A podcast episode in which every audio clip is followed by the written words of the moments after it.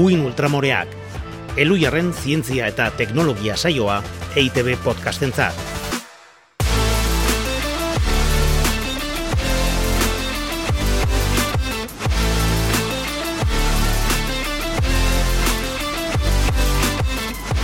Kaixo Ana Galarra gai estaran, Kaixo, alaitz otxoa deribe agirre. zer modu zaude? Jo, bapozik, pila motibatzen da gure atal berriak. Egunero ikasten da zer. Ah, hombre! Bai, ilusio handia egiten diten zuleen mezua jasotzea eta haien gandik ikastea zen nahi dezu esatea. Bai, ba, ni ere oso pozik nago. Eta gainera pozik nago, azkenean helduko diogulako barru-barrutik ukitzen nauen gai bati. Eta egia esango dizut, aserrarazi ere egiten nau gai horrek oraindik, asko, baina asko falta delako ikertzeko. Ba bai, ikaragarria da zenbaterainokoa den kontu horrekin dagoen negazionismoa.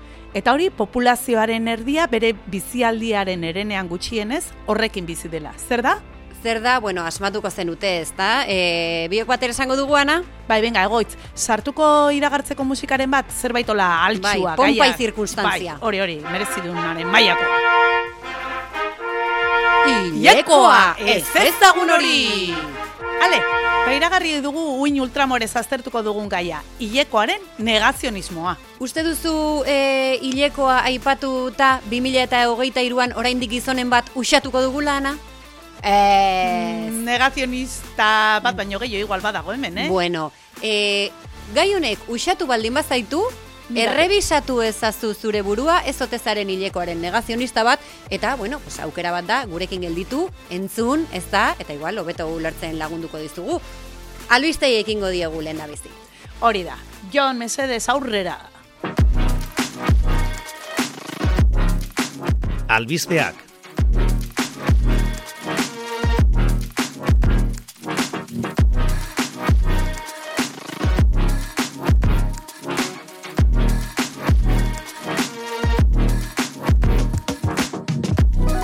Ara lehen albistea.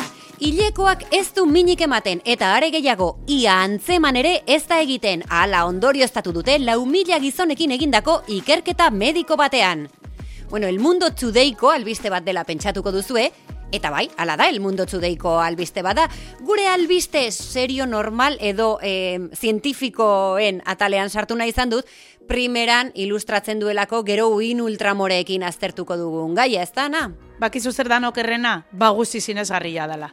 Iragarkietan ere ikusten dugu, ba, hilekoaren ordez erabiltzen dutela, adibidez, likido urdin bat. Bai, konpresak iragartzeko, ez da? Bai. Likido urdintxo, zera, sintetiko batekin. Orduan sinesten dut, gizonezkoekin, ba, Egin frogatu zezaketela dutela. hilekoari ba, buruzko bai, ikerketa ah, bat. Bai, ba, bai. Guzti zinezgarria da eta horregatik dauka grazia.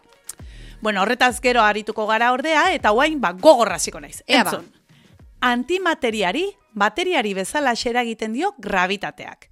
Antidrogeno atomoekin egin duten esperimento batean frogatu dute, eta gainera, lehen aldia da, antimateriaren mugimenduan, gravitatearen eragina hautematen dela. Hori bai, fizikari gehienentzat ez da sorpresa izan, zuretzako, alai? Niretzako ez, ez da ere, ez da ere, ba, ni jarriko dut fizikari horpegia, eta esango dut niretzako ere ez dela eh, sorpresa. Hau Baina da- bai, bada, eh, bada. bueno, Albert Einsteinekin hasten da hau beti bezala, nola ez, eta arek, ba, erlatibitate orokorraren teorian iragarri zuen materia guztiari berdin eragiten ziola gravitateak, eta gaur egun ez dago teoria fisikorik gravitateak antimateria erakarri beharrean errefusatu egiten duela iragartzen duenik. Hala ere, ideia tentagarria zen, zenbait problema kosmiko azal zitezkelako adibidez, materia eta antimateria nola banatu ziren unibertso goiztiarrean. Eta zergatik ikusten dugun soilik antimateria pixka bat gure unibertsuaren inguruan, teoria gehienek diotenean, materia adina antimateria sortu behar izan zela Big Bangean. Orduan, oraindik hor gelditzen dira misterio hoiek, baina behintzat zernekoek berretsi dute baietz. Antimateriari ere eragiten diola gravitateak materiari bezalaxe. Ba, askoz lasaiago gelditzen gara, ez da, Ana? Ba, bueno, aizu gauza bat gehiago. Lege berdinak ditugula denok materiak, materiok, eta antimateriak. bueno, zurea gogorra dela esan duzu, egia da e, oso adi jarraitu beharrekoa zela albistea, baina nire entzuten baduzu ere e, aurpegia zurretalur geratuko zaizu. E, hain zuzen, poltsa konpostagarriak toksikoak direla ikusi dute. Azterketa bat egin dute plastikozko poltsa arruntekin, plastiko birziklatuz egindakoekin eta konpostagarriekin. Azterketa hori zebra arrainen zelulenetan egin dute, izan ere, ohikoa da produktuen toksikotasuna neurtzeko, ba, zebra arrainen zelulekin kontaktuan jartzea eta ikustea zenbaterainoko kaltea egiten dieten, ezta? Ba, horrela ikusi duteana, poltsa konpostagarriei degradagarriak izateko gehitzen zaizkien konposatuak toksikoak direla eta haiekin egiten den konposta kutsatu egiten dutela. Adibidez, plastiko birziklatuzkoak ere toksikoak dira, baina ez hainbeste eta aldiz plastiko berriak ez die kalte egiten zebra arrainen zelulei. Komo te quedas? Barrazoia dezula, neria gogorra bali mazen, hau da, bueno, demoledorea.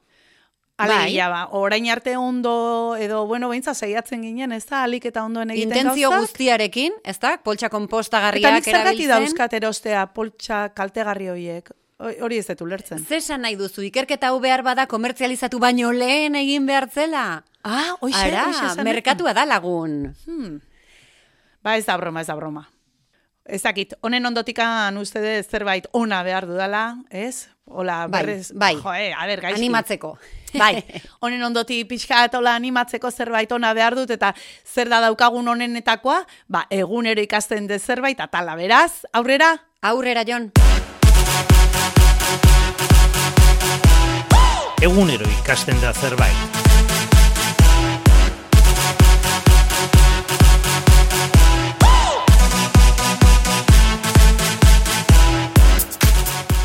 Ba begira, baten bati txorakeria bat irudituko zaio, baina nik jakin dut zergatik sortzen dituzten gasak lekaleek. Eta ez hori bakarrik, zergatik den ona, egosi aurretik, bezperatik, uretan edukitzea eta ur garbian egostea. Aizu, ba, kontatu, kontatu, neire interesatzen zaiz, eh, bueno, Hombre. ba, ez dut hemen esango, baina imaginatzen duzu zergatik nahi dudan jakin, ez da? Ba denok ditugun arazo berdinak dituzulako lekaleak jan ondoren, ezta?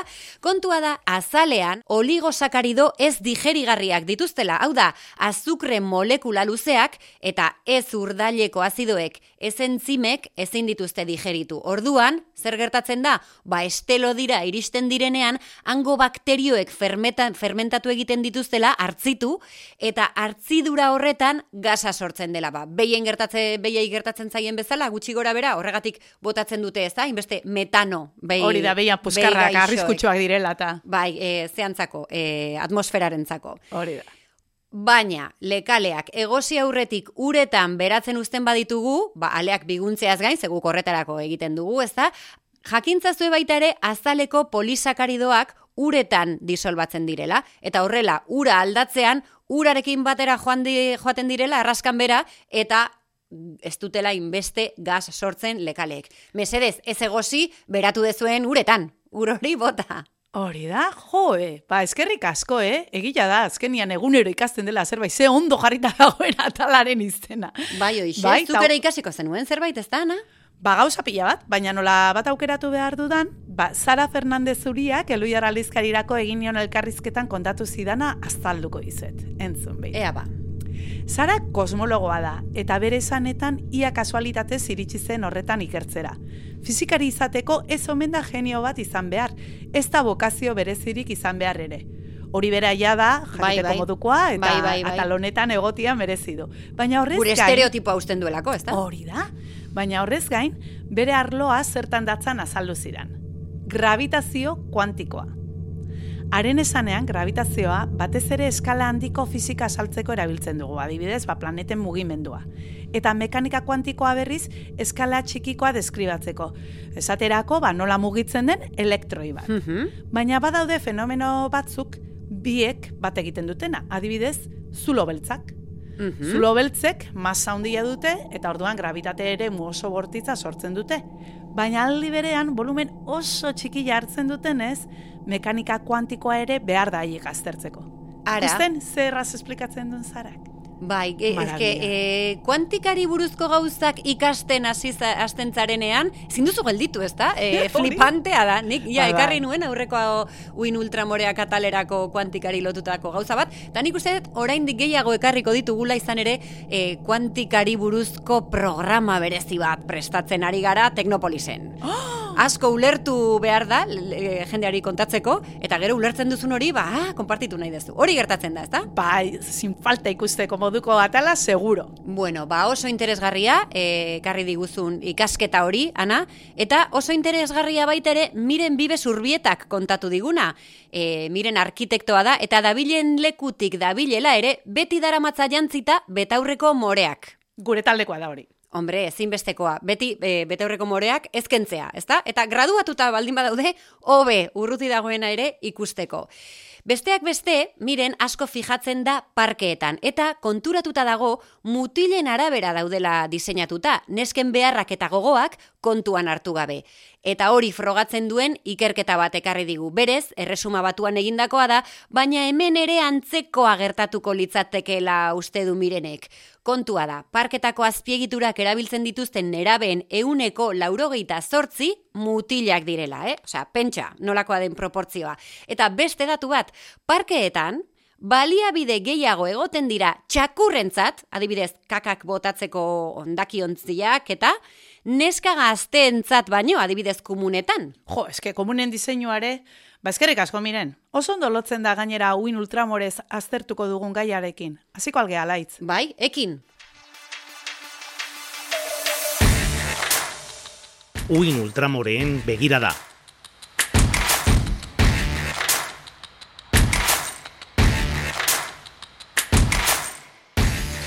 Hasiko garela esan dugu, baina egia esan ana, eh, ez dakit nondik hasi. Hainbeste gauza dazkagu kontatzeko, ez da? Izane, zientzia gizonek, erligio gizonek eta oroar gizonek, hilekoa zikintzat eta tabutzat hartzen dutenez, ba oso gutxi ikertu da. Eta ikerketa bat egiten den aldiro, ba notizia bihurtzen da, guretzat bai, behintzat. Hombre, interesatzen zaigulako. E, benetan, ikaragarria da adibidez, hogeita bat garren mendera arte itxaron behar izan dugu, jakiteko zergatik ditugun apetak edo kapritxoak janari jakin batzuekiko justu hilekoa jetxi aurretik. Hori zergatik ez da lehenago ikertu? Inori axola dio? Ba, bai, guri bai. Guk jakin nahi dugu ze mekanismo fisiologiko dagoen horren atzean. Ez pentsatzeko inguruak pentsarazten digun bezala, ez garela gure gozea kontrolatzeko gai, edo e, ez sentitzeko errudun, adibidez, arratsalde batean gorputzari eskatzen diguna ematen diogulako, ez da, Ana? Hori data. Tira, azkenean, hilekoaren fasearen arabera garunean eta metabolismoan zer gertatzen den aztertu dute, eta ikusi dute, ovulazioaren aurretik, garunean intsulinarekiko sentikortasuna normala dela. Intsulina da, badakizu, glukosa metabolizatzeko behar den hormona. Eta diabetesa dutenek hartu behar dutena, beren gorputzak ez duelako nahikoa sortzen edo asalduraren ba dutelako, ezta? Hori da. ba, hormonek eragina dute garunak intsulina horrekiko daukan sentikortasunean, eta esan bezala, ovulatu aurretik sentikortasuna egokia da. Baina, baina, ovulatu ondoren, eta bereziki justu hilekoa jetxi aurretik, intsulinarekiko sentikortasuna jetxi egiten da. Eta horregatik etortzen zaizu gogoa, balitxarreriak, txokolatea edo auskalo zer jateko, ez da? Ba, hoixe. Odolean glukosaren metabolismoa azaldatu egiten baita, eta horrek eragina dauka gozean eta apetetan. Baina ez horretan bakarrik, eh? Baita ere aldartean edo psikologikoki nola sentitzen zaren ere, ba, aldatu egiten da. Noski. Eta begiratu aldute adibidez zer gertatzen den antisorgailu hormonalak hartzen badituzu. Ze, klaro, esan duzu, hilekoaren zikloan gako diren hormona hoiek eragina dutela, ez da, intsulinaren garuneko sentikortasunean. Eta antisorgailu hormonalek justu hilekoaren zikloko hormona hoietan eragiten dute. Bingo! Zu bai jakin alaitz. Ze lista. Bai, ez da? Ba, ikasi beharra daukate eta ikertzaileak ere azkenean konturatu dira, bai, izan dute fijo eragingo duela, baina oraindik ez dutela begiratu nola eta hori izango dela urrengo pausoa. Ai, ai, ai, ai, oraindik, oraindik ez dute begiratu. Bueno, begiratu dezatela behintzat. Ba, leno aipatu didazun beste ikerketa hori bezala, antisorgai hormonalak uztarena eta hori. Ah, egila da. E, kontua da orain arte, 2000 eta hogeita garren urtea zari naiz, eh? Orain arte, alegia, antisorgailu hormonalak merkatura iritsi zirenetik mende erdi bat baino gehiago igaro denean, orain jarri dira pentsatzen, eta esan dute, kontxo, Ba, kontuan izan da, hormonek psikologikoki eragina dutela, igual ez da komeni kolpera ustea, ze agian, akaso asaldura psikologikoak sorditzake horrek. Ba, azkenean, hori aztertzeko ikerketa bat egin dute, eta frogatu dute efektibamente antisorgailuak bapatean utzizkero, depresioa izateko arrisku handiagoa duzula, sortzen diren gorabera psikologiko hoiek medio. Hortik ondorioztatu dute igual agian pixkanaka ustea komeni dela. Ba, klaro, oso zentzuzkoa. Ulergaitza dena da eta onartezina, orain arte ez begiratu izana. Kontua da, deskuido hauek ez direla puntualak eta ez dira kasualitate hutsa. Ilekorako produktuen ikerketa horrek ere horixe erakutsi du, ezta? Dala egiturazkoa egiturazkoa eta gainera esango dizute, ikerketa horrek ikaragarria amorrarazi nau, aurreko guztiak baino oraindik gehiago, pentsa. Eta esango nuke asko direla ni bezain beste harritu eta haserretu direnak. Nire bai, eh? baina kontatu beharko dugu zertaz ari garen ez da. Bai, bai, noski, seguru asmatuko zutela honezkero, baina titularra hau zen, lehen aldiz ikertu dute hilekorako produktuen eraginkortasuna odolarekin. Lehenengo galdera da, zerrekin neurtzen zuten orain arte? Zertan ari ziren? Ba, urarekin eta olako sueroarekin eta, eh? Ikaragarria da. Gero gainera, bueno, odolarekin zen titularra, baina bere ala letra txikian zehazten zuten etzela odolarekin baizik eta globulu gorriekin. Eta denok dakigu, bueno, denok dakigu, denok jakin beharko jakin genuke. beharko genuke, ez da? Ilekoa ez dela odola bezelakoa, ez da homogeneoa eta batzutan balodiagoa da, egunak ere izaten ditu, Hori da. odolbilduak. Hori da. Eta gainera, hilekoarentzako produktuen eraginkortasuna globulo gorriekin probatzeka, bueno, bada hurbilpen bat, baina agerian uzten du merkatuan dena libre dela, ezta? Ez dagoela inongo kontrolik, ana. E, zuk jar dezakezu super, edo medium, edo extra super, edo alas, voladoras, eta ez du ezer esan naiz, ez, ez dago inongo neurririk, ez araurik, ez kontrolik, ez ezer, jakiteko benetan zenbat odol biltzen edo xurgatzen duen produktu horrek? Bueno, ba, hori behintzat argitu zuten, eta ikusi dute gehien biltzen dutenak diskoak direla. Atzetik datoz, parekatuta, kopak, konpresak eta tampoi lodiak. Eta gutxien xurgatzen dutenak kulero menstruala dira. Hori behintzat, bueno, badakigu, ba, eta jakin ba- dezatela guztiek. Bueno, vale. Globulu bai. gorriak bai. biltzeko, Hori da, hori da. Zekero, ginekologaren gana zoazenean, hilekoaren jario etengabearekin, bagaldetuko dizu zenbatero aldatzen duzun konpresa edo tanpoia. Hori neurri homologatu eta zientifikoki baiestatu izango balitz bezala. Ba, ba, ba pentsatzen bateraino dan garrantzitsua, ezta? E, benetan, e, odolarekin, ez, gainera, hilekoaren odolarekin neurtzea. Hala ere gai hau alde batera utzi baino lehenana, besarkada bat bidali nahi diet e, zakarrontzian amaitu duten nire kulero guztiei. Agurreta hore. Agurreta hore, nire ere bai. Bai, eta beste besarkada bat, amala urte genituenetik, aulki batetik jeikitzen garen bakoitzean, zikindu egin naiz, hola, apuruakin. Nabaritzen zait. Bai, galdetu diogun emakume guztioi. Neskak, ez da gure errua, eta gainera, zikindu bagara ere, ez da ezer gertatzen. Ez da ezer gertatzen. Gu jarraituko dugu aldarrikatzen ikerketa gehiago behar direla, eta zerbait jakin orduko noski, emetxe kontatuko dizuegu. Ta horrez gain, baliburu hau apuntatuta daukat irakurtzeko. Sangre y resistencia. Ah? Odola eta erresistentzia. Miren gillo arakiztainena. Ah, bueno, ba, bukatutakoan niri pasa, bale? Ba, bai. Bueno, liburua bukatutakoan, atala ere bukatu dugu, ezta? Urrengo atalera pasako gara orain. Egia, gezurra, ala ez dago nahikoa evidentzia.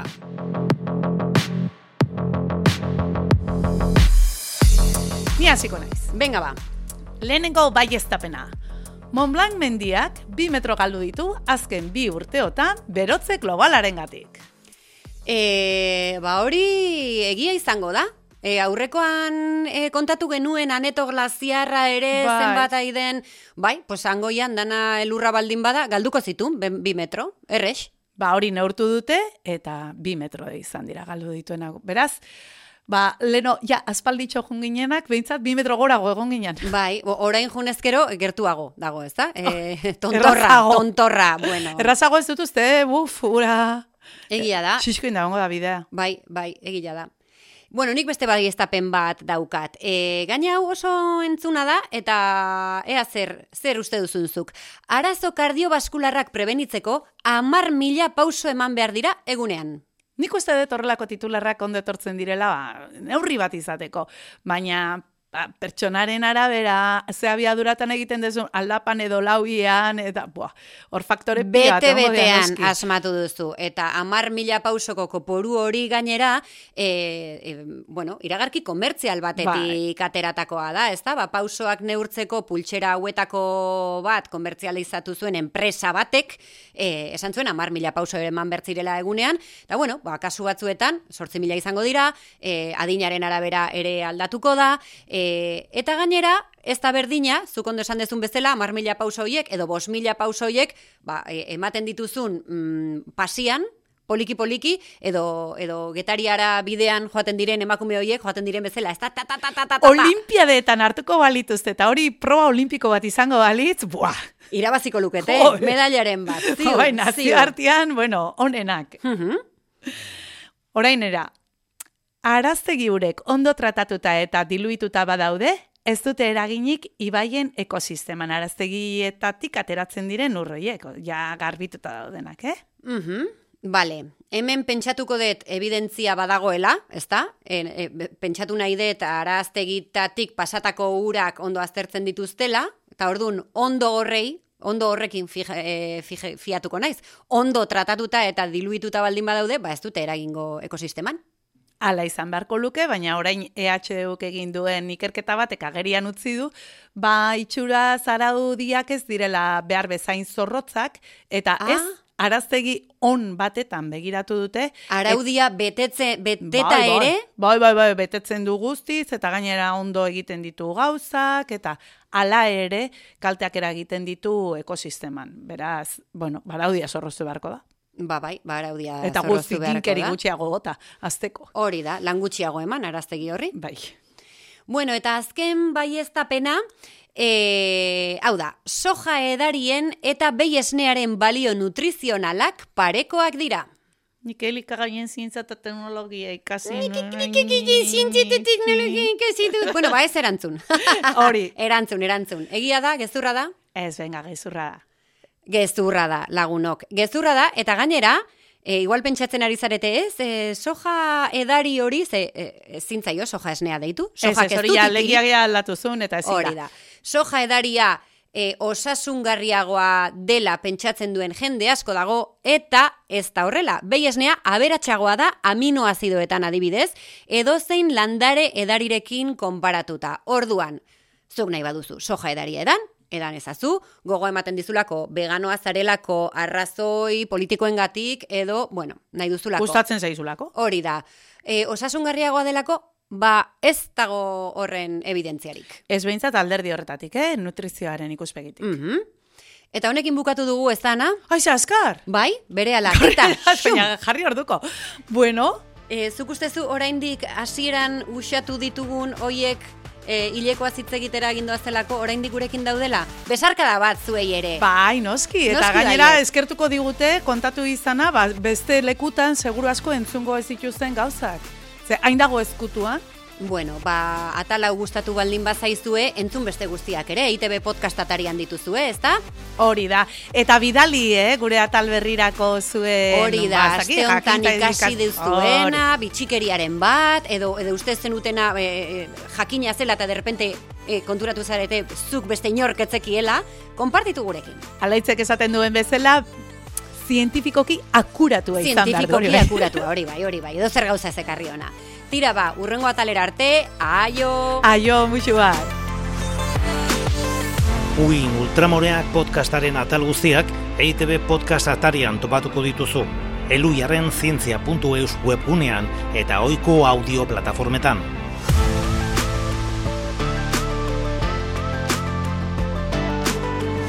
Uin Ultramoreak